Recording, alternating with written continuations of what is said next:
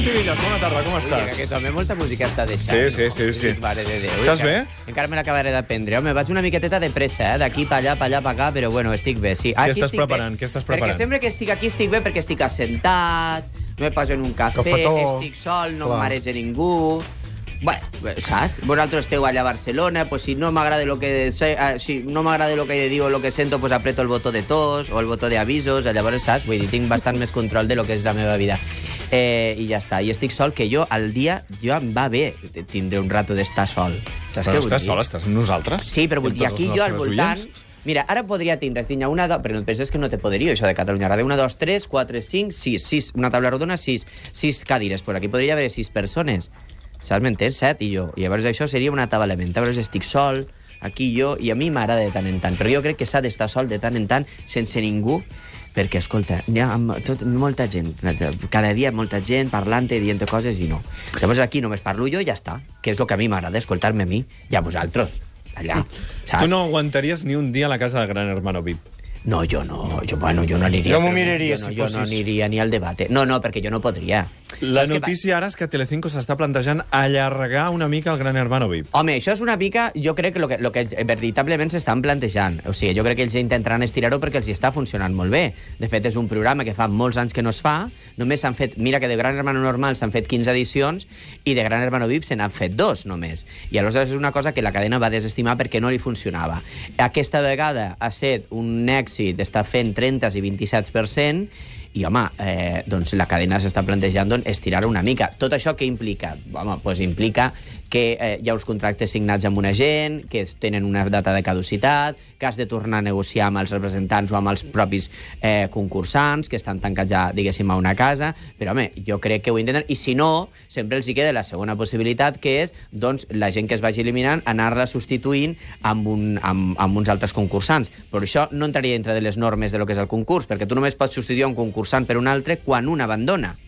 Clar. Saps? Si tu el treus perquè ha estat expulsat, Clar. no el pots La gràcia és que a la substituir. casa cada vegada hi hagi Exacte. menys gent. Però bueno, No sempre pots donar-li una volta, fer una Atenció, pesca perquè sembla que el pijama de Belén Esteban està sent un èxit de vendes Bueno, per aquest carnaval i s'ha sí. esgotat al Corte Inglés. Bueno, això, mira, això ja em sembla bé, perquè jo aquesta notícia l'havia entès com que havia estat un èxit de vendes.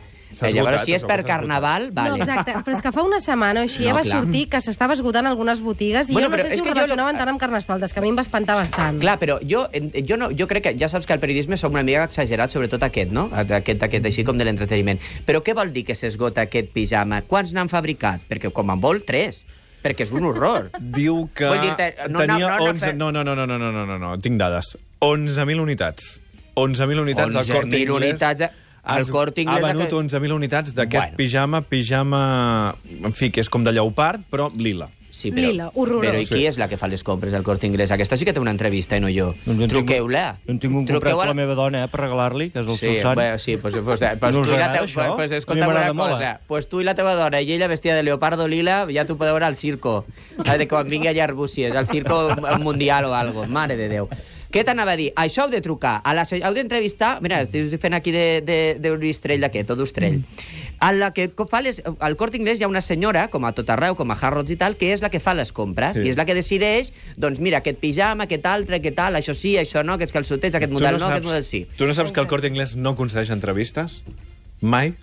A ningú? Ah, vos- a cap mitjà? Pues molt mal fet. Això ho fan. A vosaltres la us de fer. comunicació Mira, de una altra cosa et diré. Pues hauríeu de ser el primer programa de la història de la comunicació catalana barra de l'estat espanyol que aconsegueix una entrevista amb el Corte Inglés. Eh, si ens ho posem al cap ho fem, eh? Home, i si no estem em diu aquesta- destapant... Buah, el que estem destapant Home, i total setmana. amb una cosa així, pues un pijama, 11.000 unitats. Ara, imagina't, o sigui, un país amb 11.000 persones en pijama de leopardo lila. Això també és per la CNN. Eh, si ens ho posem al cap ho fotem això- portada de l'avantguàrdia, això, eh? Bueno, ja hi hem sortit avui, ja. Mira, Ah. això no té ni cap ni peus. O sigui, vull dir, això... Diu, jo, si em dius que per carnaval, vale, però aquest pijama és horrorós. Perdoneu-me que us ho diga. Primer, ja és molt horrorós, a no ser que sigues, no sé, italiana i una miqueteta... De, o sigui, això de vestir-se d'animal, m'entens? Mm. Si ho trobo, de Si ets leopardo. italiana, sí? De tigre. Bueno, si és italiana, sí. Ah, sí? Bé. Sí, és com, com allò que us explicava, de que si ets argentina, jo crec que pots tenir el cabell, llevar el cabell llarg a partir dels 35 anys. Melena. Si ja no ho ets, jo crec que no. Cabells curts a partir dels 35? Estàs Les dones totes, a no ser que siguin argentines o vedets, vull dir, o artistes, perquè un artista doncs, de repente han de fer un monyo alt, saps què vull dir? Llavors necessites material. Però una dona a partir dels 35 anys on va amb el cabell llarg? Però hi ha dones molt el guapes cabell amb el llarg. cabell o sigui, mira, la llarg. gent, mira, te vaig explicar una cosa que no parlem Però- de tele, però ara llarg, parlarem llarg, de quina- perruqueria. quina mida estem parlant, Pues llarg per, per, per, per, pel colze, hombre. El, el cabell llarg, què gràcia té? No en té cap gràcia, perquè pese, cau i sempre està igual. Tu no pots fer res amb una melena, una cua. Que ja me diràs tu que pentinat és, és recollir-se el cabell. Pues si te'l reculls, talla-te'l. M'entens el que vull dir?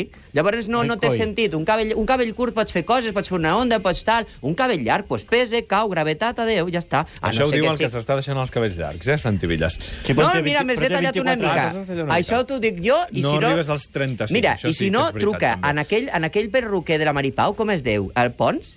Sí? que una vegada se'n va emprenyar molt, però com un mono se'n va emprenyar, perquè a mi la gent se m'enfada, vosaltres no, però la gent sí, perquè jo un dia a una tele o no sé què vaig dir que Maribel Sant faria santa en tallar-se el cabell, que una nae era aquella melena rosa tenyida hasta, a- hasta la rabadilla del cul. I, claro, ell era el peluquero. Ah, eh, clar. Però dis-me tu què sentit té. O sigui, tu veus aquesta dona que és alta, que és més o menys... Pues, eh, bu- bueno, però on van amb aquest cabell? A no ser que sigues Romina Power, que has viscut d'això. però és que jo no ho entenc. De rentar-te'l, secar-te'l, les puntes que s'obren. Tu saps la de puntes que s'obren a un cabell llarg? I com s'obren, fins on? Més novetats de. Telecinco, eh, que Què sembla vols? que té ja eh, el vistiplau per mm, emetre aquesta adaptació de Vacaciones en el Mar. Exacte, bueno, Ens però vas amb avançar humor, dia. eh? No és a vacacions Sí. al, al mar. Són això que us vaig explicar dels guionistes d'Aida, que han fet una sèrie que es diu Anclados, que es passa amb un creuer. I recordeu que és allò que us vaig explicar que el dia que van veure a Telecinco la sèrie d'humor es va sentir només això. Un. I llavors van dir que nanai. I per La tant van la, tornar va, a fer- dir van que era- parar l'emissió d'aquesta Bueno, la sèrie. gent la van doncs. enviar tota a casa durant un mes. Sí. O sigui, la, la, la protagonista, que és la Miren Ibarguren, aquesta noia que feia Aida, que feia de la filla d'Aida, Sí. va dir un dia en un dinar, bueno, yo me voy a casa, pero esto ya se... yo creo que no volvemos, eh? Com vull dir, nos han dit que marxem, i aquí ja... I molts actors no han tornat. O sigui, la cadena en un moment va dir que on estava el gravat pilot del pilot va dir aquest no i aquest no, que no ens agrada.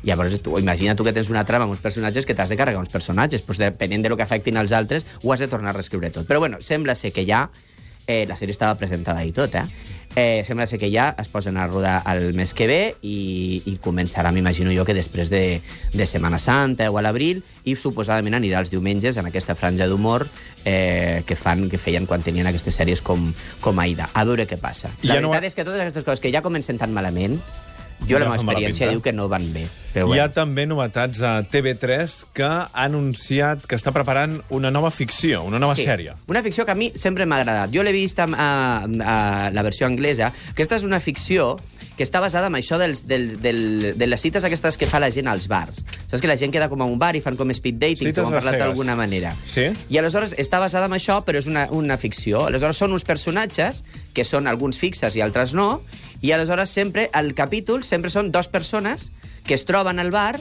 i tenen una conversa Està bé. de, de cita o de no cita. Vull dir, hi ha una noia, per exemple, a la versió anglesa, la filla de, de Charles Chaplin eh, fa un personatge, i aleshores ella pues, va rebent homes, a un capítol rep un altre, a l'altre en rep un altre, eh, després surt una altra parella diferent, llavors una, torna a aparèixer aquesta noia i rep una altra, o sigui, hi ha personatges que van tenint cites com a protagonistes d'un capítol i desapareixen en un altre capítol perquè és una altra parella, i es van, diguéssim, com barrejant.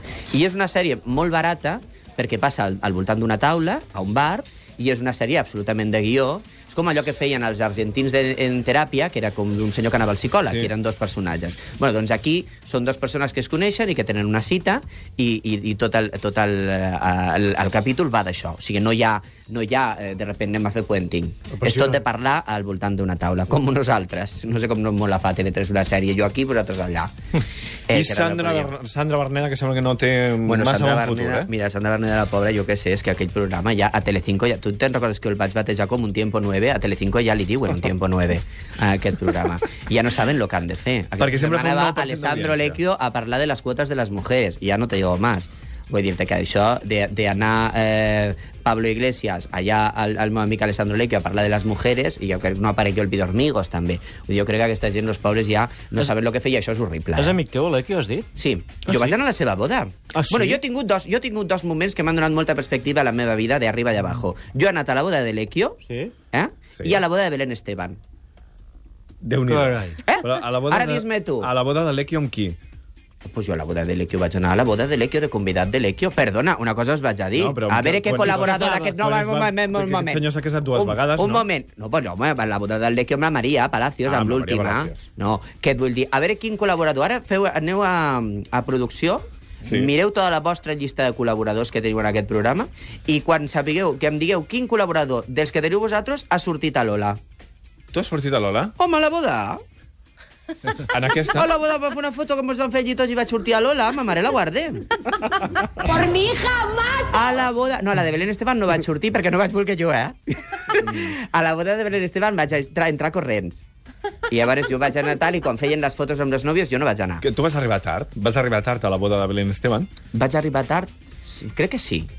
Però és que era una boda estranya. Te paraven en un lloc i llavors havies d'anar caminant com un, per un camp bueno, com un camí de terra, com un camí de- de- de- de- de- d'anar a una finca. I aleshores arribaves en aquell, en aquell local que hi havia una església, una ermita i tot això. A la boda de Belén Esteban jo no m'assegurem a la taula, vaig anar, com que no hi veig, vaig anar a saludar uns d'una altra taula i era com un lloc que hi havia columnes de metal i me vaig fotre una tot el cap. Vaig estar tota la boda amb un xitxó. I, amb una, i posar-me carn, i posar-me... Sou amics amb la Belén Esteban? Sí, bueno, ara jo no, la, jo no la veig tant, però jo he treballat amb la Belén Esteban. Ah, m'ho crec pas. Fa molts, molts dies he treballat amb la Belén Fota-li un truc així, és que entri en directe. Què? Però si truc. està tancada la casa, com ha d'entrar en directe? Truca-la. Si està gran hermano, que no tenen telèfon. Què t'has pensat? Deixa-li un Ai, missatge. senyor, mira, quants segons me queden? 25. Soy Villas. Què? Llámame. No, bueno, sí, home, yo si vols un día le diré, oye, tengo unos amigos en Cataluña que viven en Arbucies y quieren hablar contigo, que deben entrar porque son muy fans de Terelu y Cristina Tàrrega. A veure si entra. Perquè també seria el vostre target. També. Ara no. Sí, I vestia... Però vamos, te dic que la teva dona s'ha comprat el mateix pijama, doncs ja No, entens no ho sap, no ho diguis, que no ho sap, que el tinc per regalar-li. Ah, li has comprat tu? Sí. Que poca vergonya. També t'ho dic. També, tant regalar un anell, un, li podent-li regalar un anell de rabat. Mare de Déu. Se'n té molts. Poca latxa. Té Adéu. Santi, fins dimarts. Bueno, fins dimarts. Adéu, adéu, adéu.